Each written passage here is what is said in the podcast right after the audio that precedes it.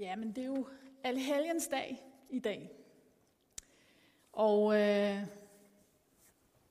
selvom jeg har nogenlunde en fornemmelse af, hvad Alhelgens dag er for en størrelse, så, øh, så valgte jeg alligevel lige at, at dykke ned i det, og det er der måske også nogle af jer, der har haft anledning til, fordi forskellige, jeg har både hørt nogen i radioen, og på, hvis man er på sociale medier eller sådan noget, kan der også dukke op, at der er nogle forklaringer omkring det.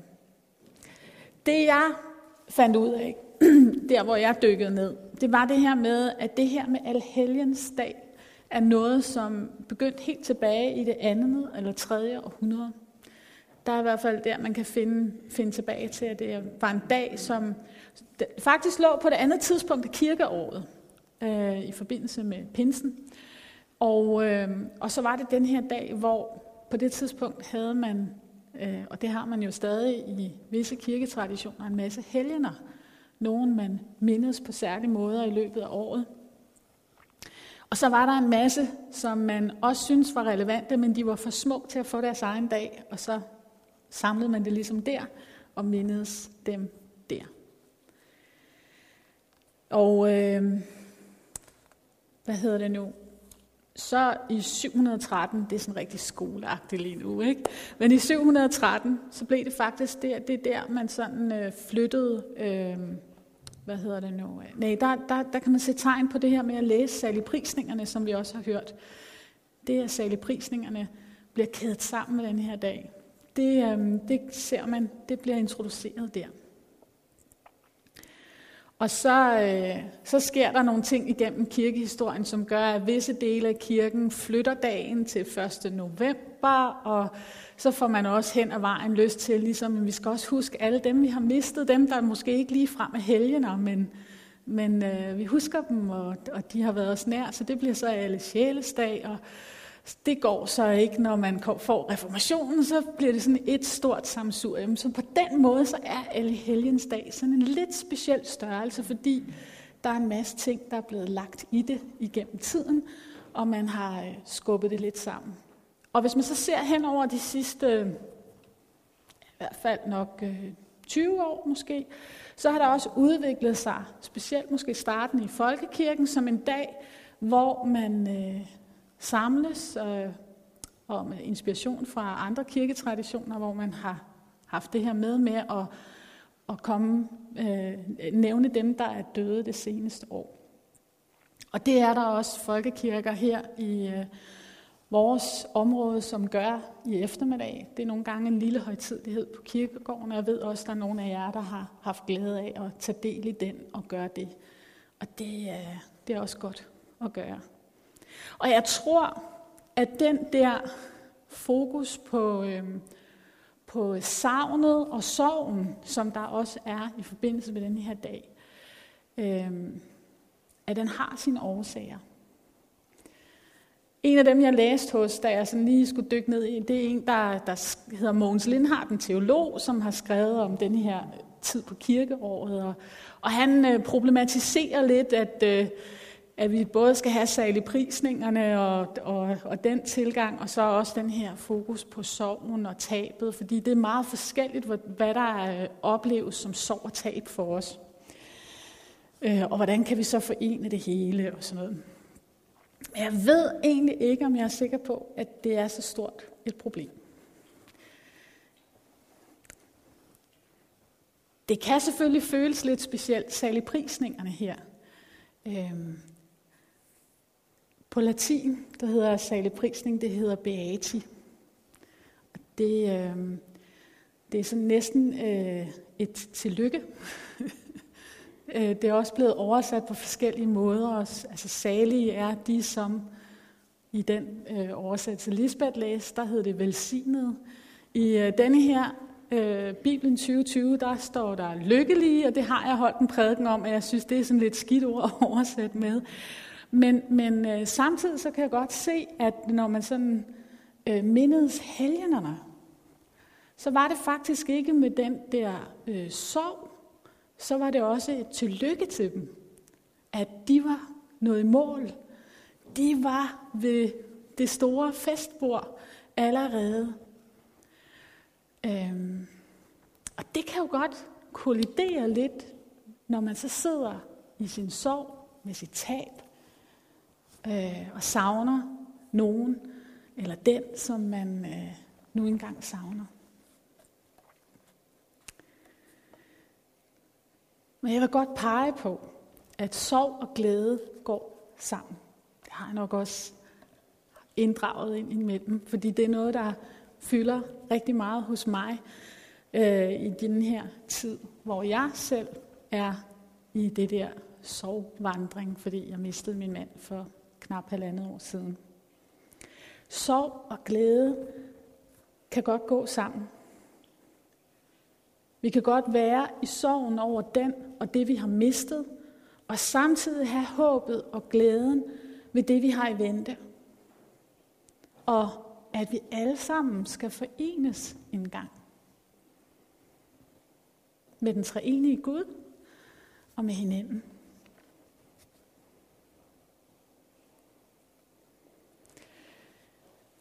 Og vi skal læse det, som er min prædikentekst i dag.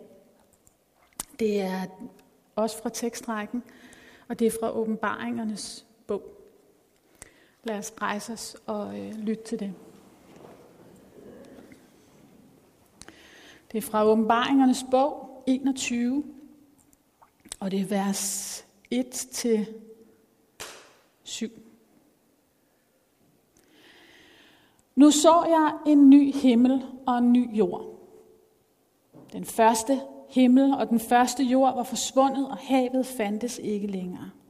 Og jeg så den hellige by, det nye Jerusalem, komme ned fra himlen fra Gud.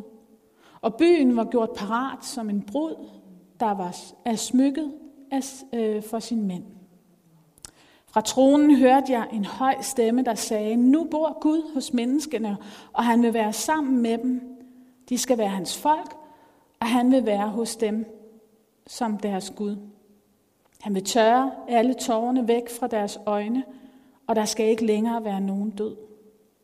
Sorg og gråd og smerte vil høre op, for alt det, der var før, er forsvundet. Ham, der sad på tronstolen, sagde, se, jeg gør alting nyt. Og han fortsatte, skriv det ned, for det, jeg siger, kan man stole på. Så sagde han til mig, nu er det sket. Jeg er alfa og omega, begyndelsen og afslutningen. Jeg vil give den tørstige vand fra livets kilde, uden at det koster ham noget. Alt det vil den, der sejrer i kampen, fordele i. Jeg vil være hans Gud, og han skal være min søn. Amen. Værsgo til plads.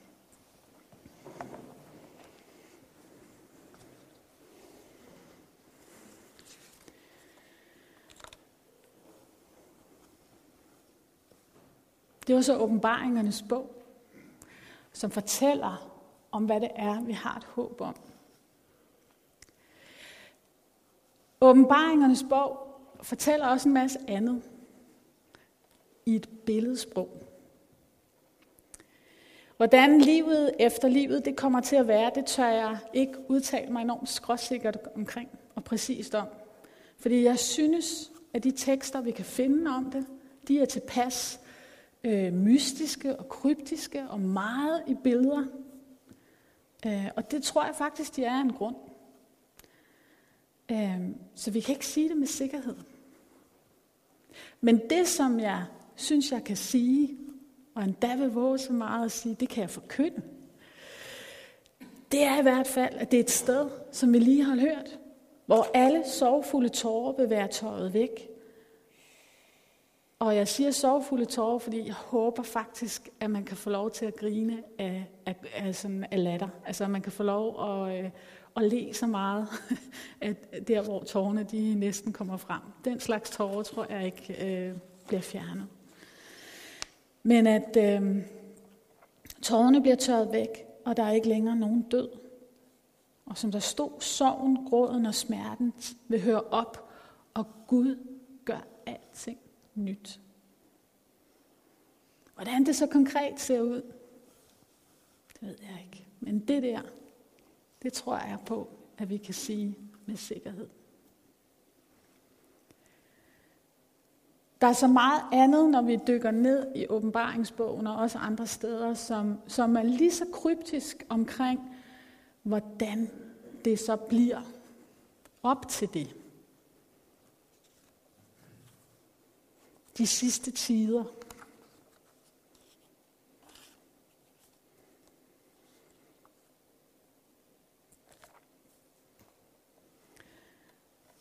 Men det, som jeg tror på, er det vigtigste i åbenbaringsbogen. Det er også det, den slutter med. Det er det, vi lige har læst her. Og så Johannes, der har skrevet de her ting ned, som slutter med, før han lige siger, at han håber, at Gud må velsigne jer, så siger han, kom Jesus, kom. Det er det, der skal være fokus.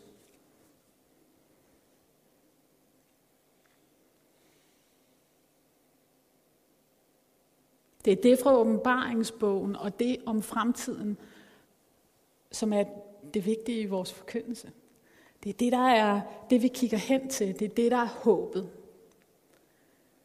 Det er det, vi skal gå op i. Det er ikke frygten for, hvad der sker os i morgen, eller senere i den her vinter, eller hvor frygtelige de her sidste tider må være. Om det er dem, vi lever i lige nu. Jeg ved det ikke.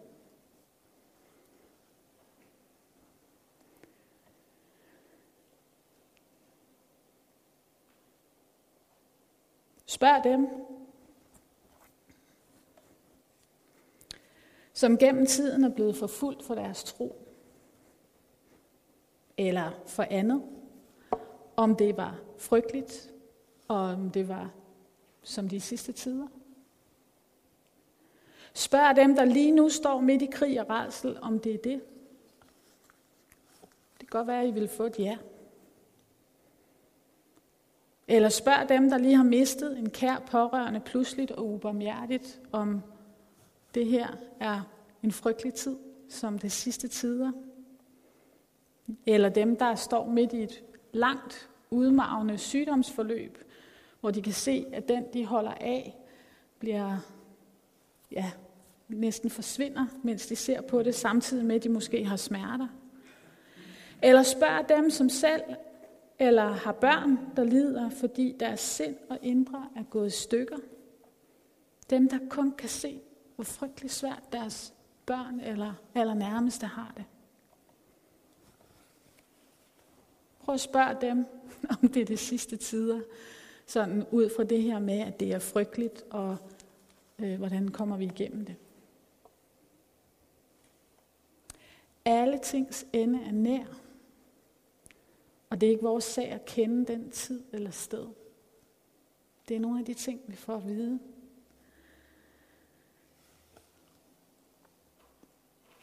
Men det er her, vi skal huske, at den treenige Gud er begyndelsen og slutningen. Og det er der, vi skal holde fast i håbet. Holde fast i løftet fra Gud om det rige og leve i det håb. Og begynde allerede at bygge på det rige. Det er, da, det er jo fantastisk. Og så kan det godt være, at vi står midt i noget, som er noget møg. Eller værre end det. Det er næsten at, kan man sige, øh, ikke at gøre det, øh, bare kalde det, kalde det møg, eller på mit hjertesprog, lort, er, er endda måske slet ikke fyldestgørende nok. Der er ting, der er så frygtelige, at vi næsten ikke kan have ord for det. Og de foregår lige nu. Men vi har lov til at holde fast i et håb om, at vi har godt i vente. Vi har lov til at holde fast i, at dem vi lige nu savner, dem skal vi på en eller anden måde forenes med igen. Vi har lov til at holde fast i, at der bliver et fantastisk festmåltid. Et sted, hvor vi skal samles og være sammen. Sammen.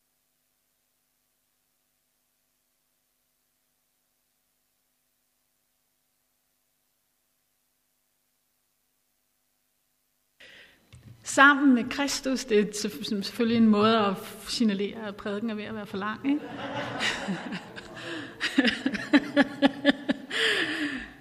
Men der, vi, vi har simpelthen lov til at holde fast i det håb.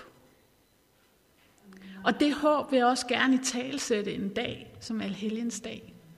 At ja, og jeg vil ikke sige til dig, at du ikke må sørge, for jeg gør det selv.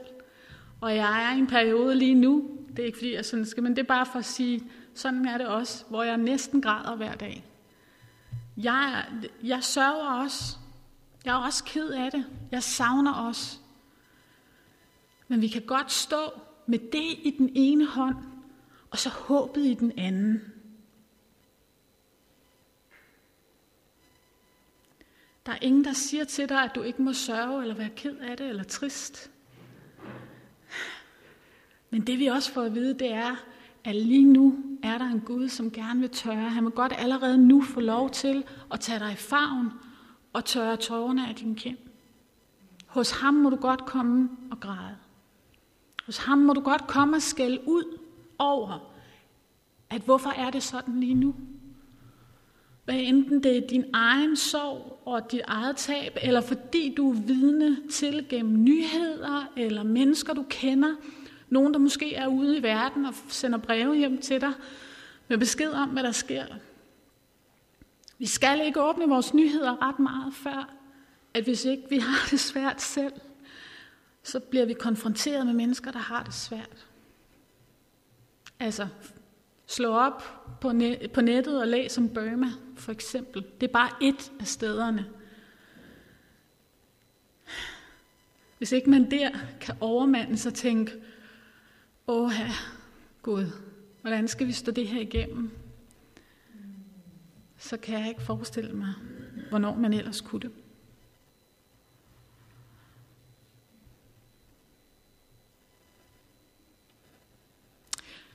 Men Gud er begyndelsen og slutningen. Og han er, han er også den nye begyndelse. Han er den, der genopretter heler og trøster. Og så vil jeg gerne læse endnu en tekst for jer. Fordi jeg sagde jo, da vi var ved nadvaren, at nogle steder, så bliver der også brugt det her måltidsbillede. Vi skal lytte til Esajas' bog, kapitel 25, øh, 25 og versene 6-9. Og nu vil jeg bede dig om at sørge for, hvis du ikke... Det kan godt være, at du lige er ved at være lidt træt i numsen af at sidde. Så sørg lige for alligevel, at du sidder godt. Luk øjnene, hvis du har lyst til det, og så prøv at danne dig nogle billeder af det her, eller i hvert fald læg mærke til, hvad der taler særligt til dig, når jeg læser de her vers. På Sionbjerget i Jerusalem vil himlens hersker holde fest for alle folk. Et festmåltid med indbydende retter og udsøgt vin. Han vil fjerne det slør, som er bredt ud over alle folk. Døden er for evigt væk. Gud tørrer alle tårer. Han sætter en stopper for al den hån, der rammer jer, hans folk fra alle sider. Gud har sagt, hvad han vil gøre. Når den dag kommer, skal I sige, Gud er vores Gud, vi stolede på ham. Lad os juble over, at han reddede os.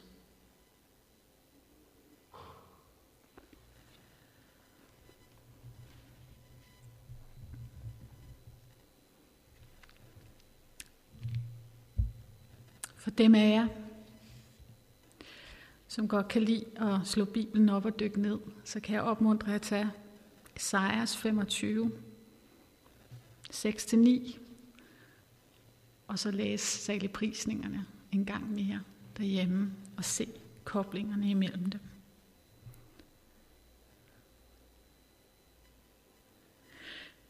Men prøv at blive i billedet, vi lige har lyttet til. Prøv, hvis ikke i dag, så senere i dag, i aften eller i morgen, at forestille dig, at du er til et stort festmåltid. En skøn piknik, hvor øh, naturen er, om himlen er blå, eller det er solnedgang, solopgang, hvordan du el kan være, så forestil dig sådan, som det vil være allerbedst for dig at være til sådan en piknik. Tænk over, hvilke skønne retter du kunne have lyst til at spise. Og hvis du er til vin, udsøgt vin, så kan, du jo, så kan du prøve at tænke specifikt på, hvad for en vin kunne det være fantastisk at drikke til sådan et måltid. Og hvis du ikke er til det, hvad kunne du så tænke dig at drikke til at slukke din tørst i? Hvem vil du gerne have, at du kunne indtage det måltid sammen med? Og så prøv at lægge mærke til, hvad de tanker gør ved dig.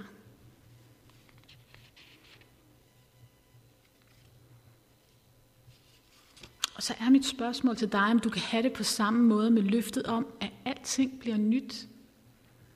At Kristus kommer igen, og at vi skal samles, at vi skal sidde til bords sammen. At vi må tage Jesus på hans ord, når han øh, i Lukas evangeliet siger, Gud er ikke Gud for døde, men for levende, fordi for ham er alle levende.